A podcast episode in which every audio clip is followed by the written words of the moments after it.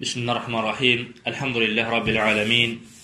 Vessalatu vesselamu ala eşrefil enbiya vel murselin. Nebiyyina Muhammedin ve ala alihi ve ashabihi ecma'in.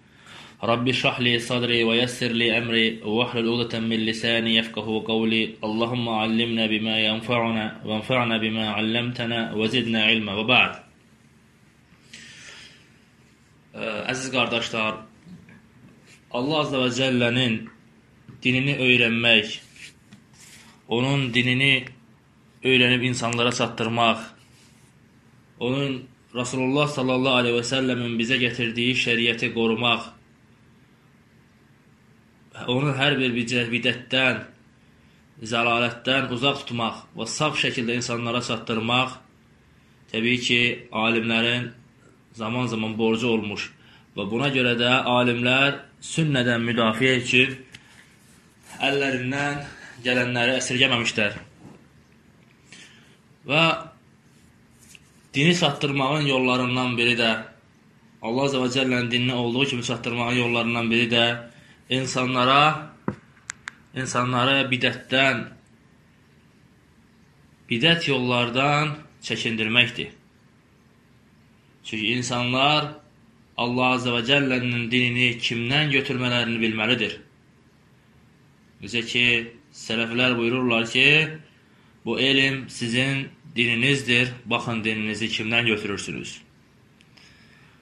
Və bu yüzdən də İslam alimləri həmişə bidət əhlinə rəddlər vermiş, bidət əhlinin bidətini bəyan edərək dəlilləri ilə ondan çəkindirmişlər. Və bu bidət firqələrindən biri də və ən təhlükəli firqələrdən biri də və İslamda ən birinci zuhur edən firqə də xavaricilərdir. Və xavaricilərin, yəni təkvir əhlinin bidətidir. Və onların şərrinin böyüklüyünə görə İslam alimləri bütün əsrlərdə, bütün zamanlarda onlar haqqında danışmış, onların şərlərini ə, e, zamanlarında yaşamış insanlara bəyan etmiş və onlardan çəkindirmişlər. Və Allah Azə və Cəllənin izni ilə Bu keçəcəyimiz kitabda da e, xavaricilərin e, şübhələrini dəf eləmək üçün yazılmış kitablardan biridir bu kitab. Allah Azə və Cəllənin izni ilə bu kitabda da Əhlüsünnə və cəmaatın etiqadını, e, təkfir məsələlərində olan etiqadını, təkvirdə necə yanaşmalı olduqlarını və eyni zamanda təkvir əhlinin gətirdiyi şübhələrə necə cavab verməli, vermək lazım olduğunu bəyan edəcəyik. Keçəcəyimiz kitab, kitabın adı Ət-Təhrir fi Bəyan Əhkam Təkfir. Təkfirin hökmlərində qaydalardır. Qaydaların bəyanı kitabıdır. Və kitabı yazan e, Şeyx İsam ibn Abdullah Sinanidir. Səudi Ərəbistanının Qasım şəhərində Şəriət fakültəsinin müəllimidir.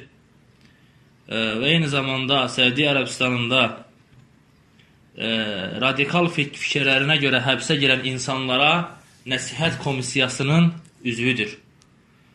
Və kitabı da təqdimatı böyük alimimiz e, Şeyx Salih Fəvzan Hafizahullah vermişdir. Və kitabdan e, kitabın özəlliklərindən ən birincisi odur ki, kitab müəllifin təcrübələri əsasında yazılıb. Necə ki, müqəddimədə müəllif deyir ki, mən kitabı, yəni həbsdə olan insanlarla, o insanlar, o fikir, radikal fikirli insanlarla, təkfir fikirli insanlarla görüşdükdə onlara necə başa salmışam, necə və o şəkildə sonra da mən kitabı bir araya toplamışam. Yəni eyni zamanda kitab əsas 3 qismdən ibarətdir. Müqəddimədən sonra təkfirdə qaydalardır, sonra təkfirdə şərtləri gətirir. Üçüncü hissə isə təkfirçilərin gətirdiyi, xüsusən bu əsr, əsrdə, müasir dövrdə gətirdiyi e, əsas şübhələri gətirir və onlara cavablar verir. Və bunları, yəni şeyx deyir ki, bu üslubla nə qədər insanlar, yüzlərlə, minlərlə insanlar tövbə edibdir. Yəni kitab təcrübələr əsasında dayandığı üçün, yəni bu kitabın e, özəlliklərindən sayılır. Və bundan sonra biz əsas məsələyə keçək. Yəni çünki e, bunun nə qədər biz ə, kitab böyük olduğundan nə qədər müxtəsər edərək qısa ə, bitirsək, o qədər daha yaxşıdır. Və şeyx ilk olaraq gətirir ki, tə təkfirin, ə, küfrün tərifini, onun ə, təhlükəsini bəyan eləyir. Və burada birinci məbhəsdə, birinci fəsildə daha doğrusu ə, bir neçə məsələyə toxunur.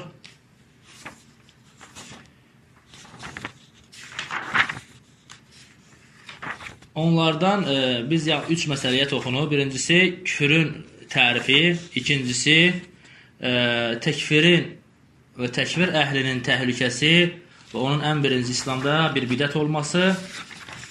Üçüncü məsələ isə bundan sonra üçüncü məsələ isə e, müsəlmanı təkfir eləməkdən yaranan pis nəticələr.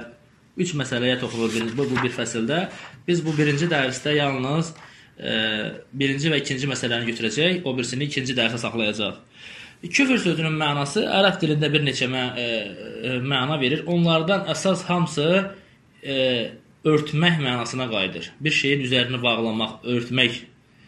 Və ona görə də ərəblər əkinçiyə kafir deyirlər. Yəni lüğəti baxımından kafir deyərdilər. Nə nəyə görə? Çünki əkinçi ə, toxumu səpib onun üzərini torpaqla örtdüyü üçün.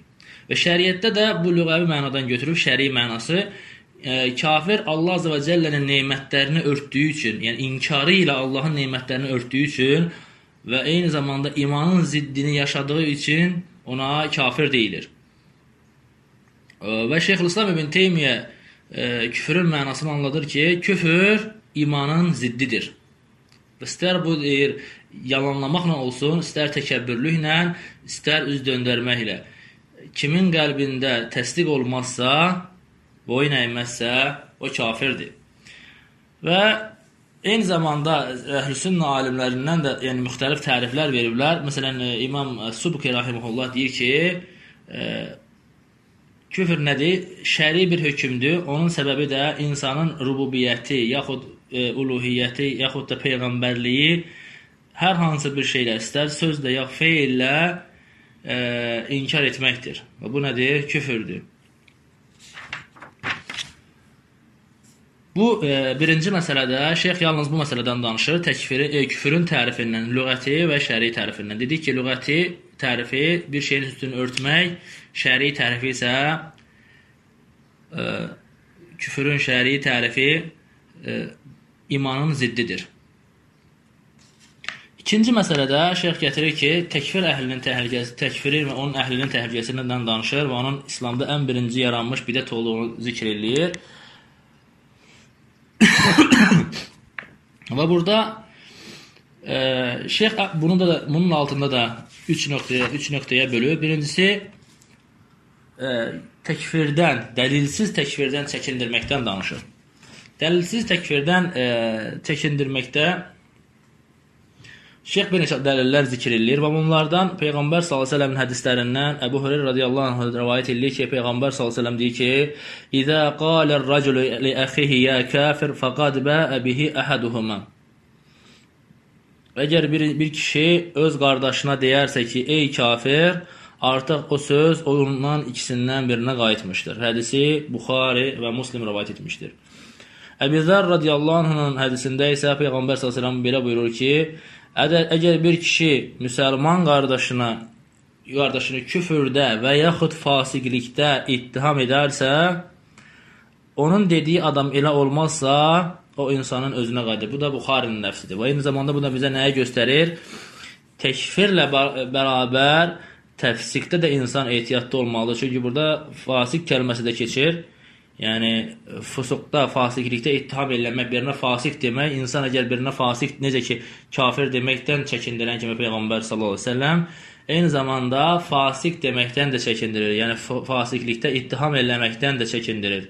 Fasiq kəlməsi daha geniş e, mənadır. E, hətta oraya bidət əhli də o da kəlmənin içərisinə girir. Yəni bir insanı bidətdə ittiham eləmək də bu hədisin, bu ləfsinin içərisinə daxildir. Və İmam Müslim rivayet elədiyi başqa bir hədisdə Cündub radiyallahu anhdan gələn hədisdə Peyğəmbər sallallahu əleyhi və səlləm danışır ki, bir kişi haqqında Peyğəmbər sallallahu əleyhi və səlləm səhabələrə xəbər verir ki, bir insan, bir kişi deyir ki, e, dedi ki, Allaha and olsun ki, Allah filan kəsi bağışlamayacaq. Və Rasulullah səlləm deyir ki, Allah azza və cəllə onun sözünə qarşı dedi ki, mənim adıma danışaraq mənim filan kəsi bağışlamayacağını deyən kimdir? Mən artıq o adamı bağışladım və sənin də əməlini batil etdim. Bu hədisi də İmam Müslim rivayet etmişdir. Yəni kimsə desə ki, Allah filan kəsi bağışlamayacaq, Allah onu ona hidayət verməyəcək. Bu Allah adına danışmaqdır və Allah Azza və Cəllənin qəzəbinə gələn bir əməldir. İmam Abu Davudun rivayet elədiyi başqa bir hədisdə Abu Hüreyrə radiyallahu anhudan gələn hədisdə, uzun hədisdə e, Peyğəmbər sallallahu bizə xəbər verir ki, keçmiş ümmətlərdən bir nəfər ibadətdə çalışqan olan bir nəfər öz dostuna, öz qardaşına nəsihət edir və daima onu e, xatırladır ki, yaxşı əməlləri işlə, pis əməllərdən, günahlardan uzaq dur. Və həmin adam da günahkar dostu da hər dəfəsində deyir ki, e, mənimlə Rəbbim, mənimlə Rəbbim arasını tərk elə, sən mənim üzərimə nəzarətçi göndərilməmisən. Və dostu da ona qəzəblənərək deyir ki, Allaha and olsun ki, Allah səni bağışlamayacaq. Və bir ləfəsdə də gəlir ki, Allah səni cənnətə daxil etməyəcək. Və Allah Azza və Cəllə qiyamət günü onların hər ikisinin e, Allah Azza və Cəllə onları öldürdükdən sonra hər ikisi qiyamət günü Allah Azza və Cəllənin huzurunda e, toplananda Allah Azza və Cəllə o ibadətdə çalışandan soruşacaq. Sən mənim elmimdən xəbərdar idinmi? Yaxud mənim nəyə qadir olduğumu bilirdinmi? və günahkara deyəcək, get rəhmətimlə cənnətə daxil ol. Və o ibadətdə çalışıb dostuna e, Allah səni bağışlamayacaq deyənəsə dedi ki, deyəcək ki, get cəhənnəmə daxil ol. Və Əbu Hüreyrə radiyallahu anh hədisin axırında deyir ki, nəfsim əlində olan Allaha and olsun ki, bir kəlmə ilə dünyasını da, axirətini də dağıtdı. Və hədis e, İmam Abu Davud e, sünənində rəvayət edib və hədis də səhih hədisdir. Yəni bu hədislərdən biz anlayırıq ki, yəni insan bir kəlmə ilə öz və dünya və axirətini da axirətini dağıdır. Bu haqda Şeyxülislam İbn Teymiyyə rahimehullah deyir ki, e, bidət əhlinin e, fə min uyub əhl bidə təkfir ba'dhum ba'd. Bidət əhlinin evlərindən biri də bir-birini təkfir etməkdir. Və əhlil elm əhlinin tərifə layiq sifətlərindən biri də onlar bir-birinin xatalarını bəyan edərlər, amma təkfir etməzlər. Və deyir ki, "Və səbəbü zəlikə ən ahadhum qad yadun ma laysa bi kufr kufra." Çünki onların bidət əhlinin bunu eləməyinin səbəbi odur ki, onlar küfr olmayan bir şeyi küfür zan edərlər. Və ola bilsin həmin şey küfr də ola bilər. E, deyir ki, "Li'annahu tabayyana lahu annahu takzibun lir-rasul və sabbun lil-xaliq vel-axir lam yatabayyan lahu zalik." Ola bilsin ki, bir insana bu əməlin e, peyğəmbər sallallahu əleyhi və səlləm söymmək və ya e, yalanlamaq və yaxud Allah z.ə.v-ni söymək olduğu bəyan olsun, digərinə isə bəyan olmasın. Bu da o demək deyil ki, bilən adam necə ki küfrə düşür, o demək deyil ki, bilməyən adam da düşməlidir. Və bunu Şeyxülislam Minhəcü Sünnə Nəbəviyyə kitabında 5-ci cild 251-ci səhifədə demişdir. İbn Əbil-İz Əl-Hənəfi Tahavi əqdəsinin şərhi edən İbn Əbil-İz Əl-Hənəfi rahimehullah deyir ki, təkfirin böyüklüyü barədə o ki qaldı müəyyən bir şəxsə ona deyilən deyə deyilə, deyilsə ki, ə, siz əl təşhədun ənəhu min əhlil vəid və ənəhu kafir və hədə la nəşhədu aleyhi illə bi əmrin təcuzun mahu şəhadə. Bizə biz, müəyyən şəxs haqqında soruşulsa ki, onun insanın e, kafir olduğuna şahidlik edirsənmi? Biz deyirik ki, biz yalnız dəlillə, dəlil üzərində şahidlik edirik. Dəlil olmasa kiminsə, e, açıq aydın dəlil olmadan kiminsə bu şəkildə olmağına şahidlik etmərik. فإنه من أعظم البغي أن يشهد على معين أنه لا يغفره أن يغفر الله له. Çünki ən böyük həddi aşmaqdan biri də müəyyən bir şəxs haqqında şəhadət etməkdir ki, Allah onu bağışlamayacaq və yaxud da ona rəhm etməyəcək, yaxud da onu cəhənnəm əhlindən edəcək. Çünki deyir ki, fə innə hədə hukmul kafir ba'dəl mut. Çünki bunlar hamısı kafirin öldükdən sonra olan hökmləridir. Və bunu da Tahaviyyə əqidəsinin şərhində 1-ci cild 299-cu səhifədə deyir. İmam Şavkani rahimehullah buyurur ki: "İ'lem enel hukmu ala'l-racul muslim bi khurucihi min dinil-islam ve duhulihi fil-kufr la yenbaghi li-muslimin yu'minu billahi vel-yawmil-ahir an yuqaddim an yaqdum alayhi illa bi burhanin awdah min şemsin-nahar." Bil ki, ə, bir müsəlmanın ə, İslam dinindən çıxıb küfrə daxil olmasına ə, hökm vermək Allaha və axirət gününə iman gətirən bir şəxsə, bir müsəlmana yaraşmayan bir şeydir ki, onu etsin. Yalnız buna nə vaxt günün günün e, gündüz vaxtı necə ki günəş açıq-aydın bir e, şəkildə görülür, o şəkildə bir dəlil olmadıkca bu hökmü vermək ona olmaz. Və necə ki hədisdə də sabitdir ki, kim bir müsəlman qardaşına ey kafir deyərsə, onlardan birinə qaydar və yaxud bir e, müsəlman qardaşını küfrdə yaxud e, ey Allahın düşmanı deyə çağırarsa, o da ola olmazsa, onun özünə qaydar. Hə. Və bunu da İmam Şevkani rahimehullah Seyrül El-Cirar kitabının 4-cü cild 578-ci səhifəsində zikr etmişdir. E, İbn İbn Vazir el-Yemani rahimehullah böyük şafi alimlərdən olan İbn Vazir el-Yemani rahimehullah deyir ki, فإذا تورع الجمهور من تكفير من اقتضت النصوص كفره فكيف لا يكون الورع أشد من تكفير من لم يرد في كفره نص واحد Necə ki, alimlər o insanların haqqında ki, açıq-aydın küfürləri barədə naslar varid olub, yəni xavar işlərinin özünü qəst edir ki, Peyğəmbər s.ə.v hədislərdə buyurur ki, e, e gələcək o hədislər, onlar dindən ox, e, ox qabından çıxdığı kimi onlar da dindən çıxacaqlar. Bununla belə əksər alimlər onları tək təkfir etməkdə dayanıblar. Təkfir etməkdə tələsməyiblər, xavaricləri. Əgər bu haqqında açıq-aydın dəlil olanları təkfir etmirlərsə, haqqında dəlil olmayanları necə təkfir etsinlər? Hə, bu da İsarul Haqq aləl-Xalq kitabının 1-ci cild 381-ci səhifəsindədir. Müasir alimlərdən Şeyx e, Muhammed bin Salih el-Üseymin rahimehullah deyir ki: "El-asl fi men yentesibu lil-islam baqa islamihi hatta yetahaqqaqa zaval zalika anhu." Bir insanda əsl odur ki, onun İslamının qalmasıdır. Nə vaxta qədər o aslın ondan getməsinə yəqin olana qədər aslın onda qalmasıdır. Yəni bu da təbii ki, şəri bir dəlillə olur. Və la yecuzu təsahul fi tekfiri. Ona görə onu təkfir etməkdə də səhlənkarlıq etmək olmaz. Lənnə fi zəlikə mahzurayn. Çünki onu təkfir etməkdə iki dənə yasaq var. Birincisi Allah adına hökmdə iftira atmaq, yalan danışmaq və aləl məhkum və aley, məhkum aleyhi fil vasf ellezî nəbəzəhu bi. Və ikincisi də yəni eyni zamanda məhkuma da ikinci hökmdə məhkuma onda olmayan bir şeylə, şeylə onu ittiham etməkdir. Birinci hökm deyir, bəllidir ki, o küfr hökmünü verməklə Allah Azza və Cəllənin təkfir etmədiyini təkfir etmişdir. Və bu da Allahın halal etdiyini haram etmiş kimidir.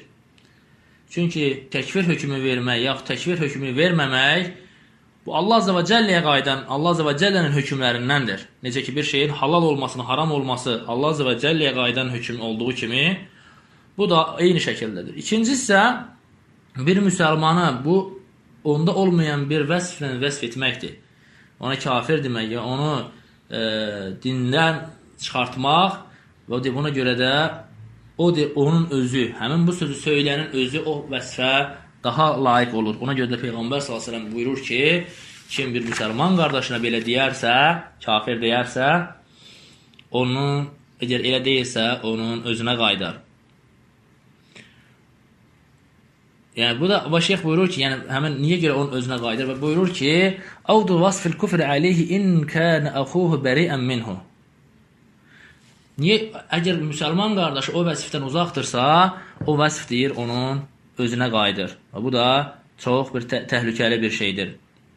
Və bu da yushiku an yaqa bihi çünki onun o küfrə düşməsinə səbəb olur. لأن الغالب أن من تسرع بوصف المسلم بالكفر كان معجبا بعمله محتقرا لغيره فيكون جامعا بين الإعجاب بعمله الذي قد يؤدي إلى خبوطه وبين الكبر الموجب للعذاب لله في النار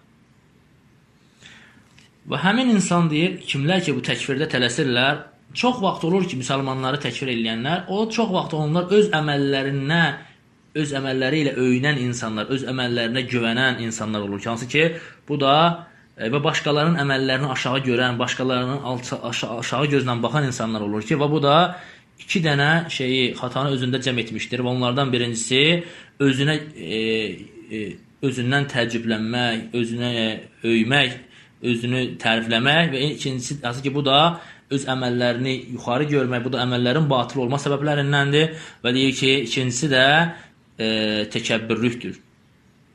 Və təkəbbürlük haqqında Allah Azza və Cəllə buyurur ki, təkəbbürlük mənim ridamdır, əzəmət isə mənim izarımdır.